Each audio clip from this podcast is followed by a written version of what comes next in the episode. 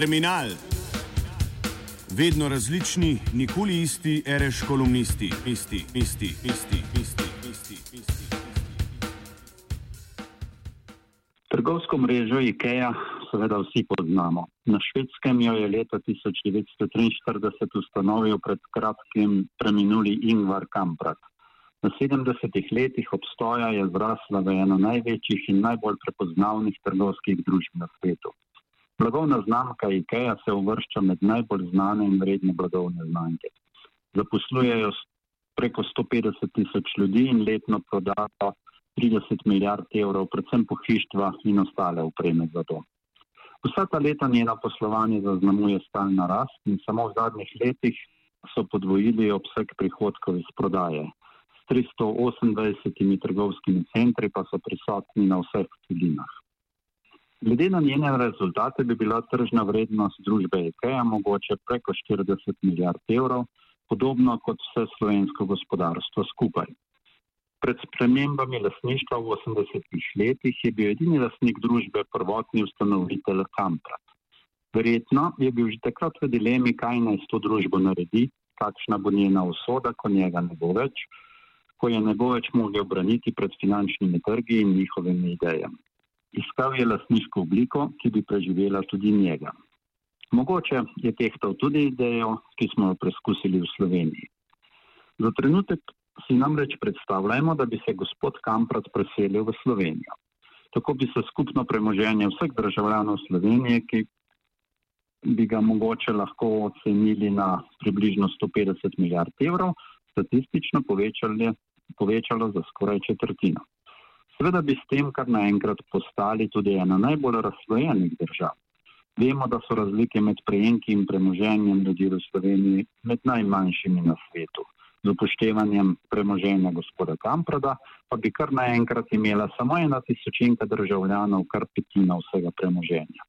To je primerljivo s porazdelitvijo premoženja naprimer v Združenih državah Amerike, kjer so razlike med premoženjem ljudi med največjimi. Statistično bi se torej slika neenakosti v Sloveniji močno poslabšala, čeprav se dejansko premoženje ostalih državljanov ne bi nič spremenilo. Denimo, da bi gospoda Kamprada to povečanje enakosti med prebivalstvom motilo, kot vseh ostalih dva milijona seveda tudi, in da bi se odločil, da svoje premoženje razdeli med vse Slovence. Da ne bi bilo razlik, bi ga razdelil kar vsem enako, vsakemu državljanu 20 tisoč evrov. Vsak državljan bi torej dobil lasniško upravičenje, torej delnice v družbi IKEA. Gre za nekaj podobnega, kot je bila razdelitev družbenega premoženja v letih 1993 do 1995 v obliki certifikatov, ki smo ga imeli v Sloveniji. Sveda pa imamo v tem primeru samo eno družbo, predvsem pa je vrednost družbe ter naložbe posameznika precej bolj znana, kot pa so bile znane vrednosti lasniških upravičen, ki smo jih državljani preko certifikatov dobili daljnega leta 1995. Nadaljujemo zgodbo naprej. S takšno prerasporeditvijo bi kar naenkrat postali premožensko izjemno enaka družba. Nekaj takšnega, ko je, kot je trenutno pogosto mogoče slišati kot največje mogoče blagostanje. In kaj bi se verjetno zgodilo s tem premoženjem ljudi v naslednjih desetih, dvajsetih letih? Tu je podobnost te zgodbice z dejanskim dogajanjem v slovenski zgodovini precej večja. Ljudje bi prejeto darilo, torej delnice družbe IKEA, verjetno postopno prodali. Ko se nekdo z minimalno plačo ali celo samo socialno podporo prebija iz meseca v mesec, vsekakor ne bo gledal nekega razpoložljivega premoženja 20 tisoč evrov, temveč ga bo postopno trošil. Poleg premožensko najšipkejših bi se jim z razdelitvijo bistveno izboljšalo gmotno stanje, pa tudi večina ostalih državljanov bi slejko prej prišlo v situacijo, da mora zamenjati avto, opremiti stanovanje ali ima kakšne večje načrte z nakupom hišo ali mogoče vikenda. Verjetno bi le malo ljudi to premoženje držalo kot neko dodatno rezervo za stara leta, za potomce in s tem ostali dolgoročni lasnik. S predvsej veliko verjetnostjo torej lahko zapišemo, da čez 10-20 let Slovenci prav veliko lasniškega deleža v družbi IKEA ne bi imeli več. Pokupili bi ga v glavnem ljudje s presežki premoženja, ki jih v Sloveniji prav veliko ni. Prav tako tudi ne bi bilo nakupov s posvilnimi viri, ker posvila seveda nihče za to ne bi dobil, pa tudi si ga ne bi upal najeti.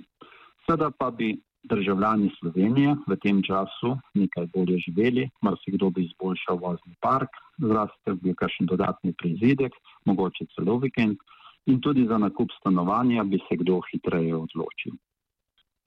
Takšna hipotetična zgodba, ki se seveda ne bo zgodila, odpira kar nekaj razmislekov. Marsikdo bo v njej našel predvsej podrobnosti z dogajanjem v Sloveniji v preteklih 20 letih. Državljani so pred 20 leti brezplačno dobili v roke sicer precej manjše premoženje kot omenjenih 20 tisoč evrov delnic družbe IKEA. Tržna vrednost celotnega slovenskega gospodarstva leta 1995 ni bila veliko večja kot naprimer 5 milijard evrov. Ne da bi bilo gospodarstvo v tako slabem stanju, preprosto ni bilo kupcev, ki bi jih takšne naložbe zanimale. Tveganja so bila prevelika, odprtih je bilo veliko dilem o prehodnem razvoju, prav tako pa ni bilo na voljo denarja. Seveda pa z, z rastjo, z umiritvijo razmer, s večjim optimizmom, ter tudi konjunkturo v svetu, vrednost slovenskih podjetij postopno rasla in pred nastopom krize se je vrednost teh podjetij gibala že na podobni višini, kot danes govorimo o vrednosti za IKEA. Kriza je sicer del vrednosti odnesla na osnovi rezultatov poslovanja gospodarskih družb zadnjih let, bi ga lahko ponovno ocenili na vsaj omenjenih 40 milijard evrov. To, da kot rečeno, ljudje niso čakali s svojimi lastniškimi deleži, temveč so jih v prvi primerni priliki ali potrebi prodali. Ta in to prodajo večinoma prelili v tekoče potrošnjo kakršni koli so bili že v zgobi za, zgibi za prodajo. Dejstvo je, da so bili državljani Slovenije v začetku 90-ih let pretežni lasniki naših podjetij, a so to postopno prodali. Nekateri poceni, drugi tudi dokaj ugodno. Ne glede na to, pa se ljudje danes sprašujejo, kdo jim je to nekdanje družbeno premoženje ukradil in zakaj ga moramo prodajati tujcem a dejansko smo ga prodali s prvo prodajo delnic, ostalo pa so samo še nadaljne prodaje med investitorji. Seveda, večinoma tujci, ker domačega presežnega premoženja ni veliko na razpolago.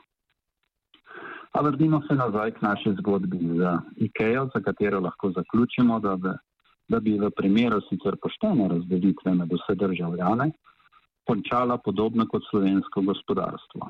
V rokah tujcev in njožjega kroga ljudi, državljani pa bi si nekoliko povečali svoje premožensko stanje ali začasno izboljšali življenjski standard.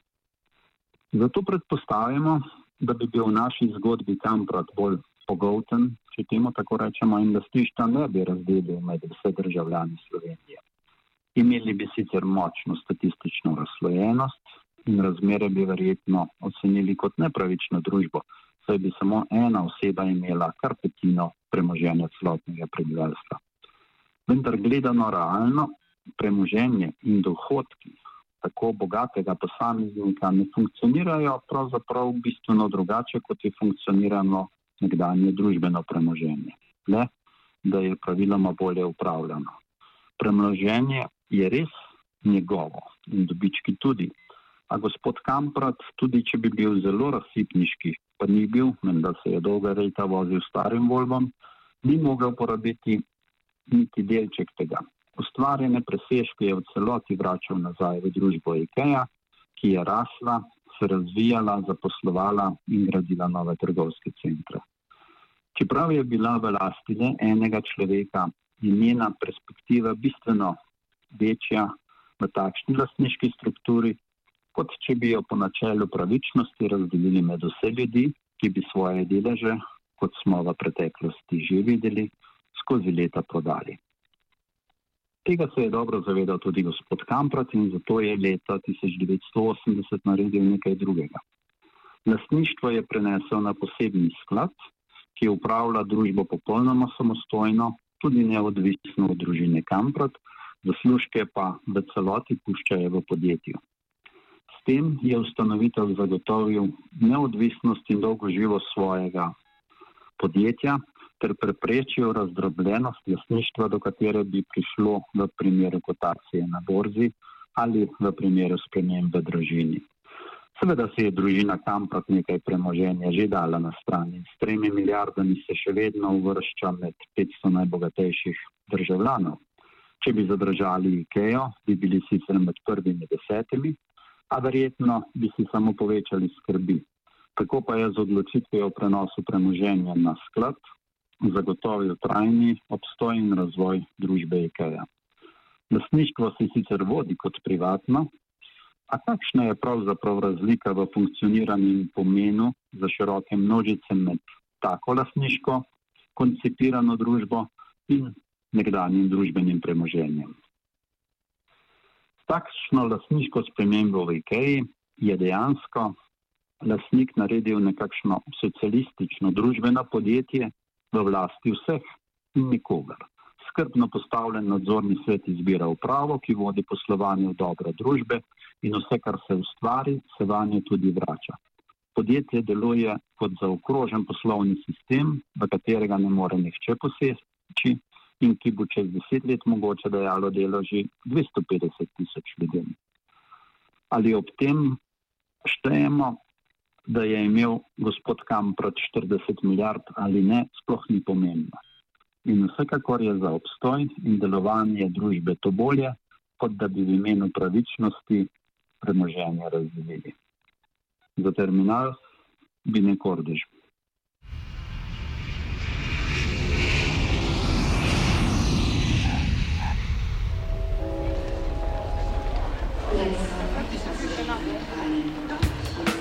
Terminal vedno različni, nikoli isti, reš kolumnisti, isti, isti, isti, isti.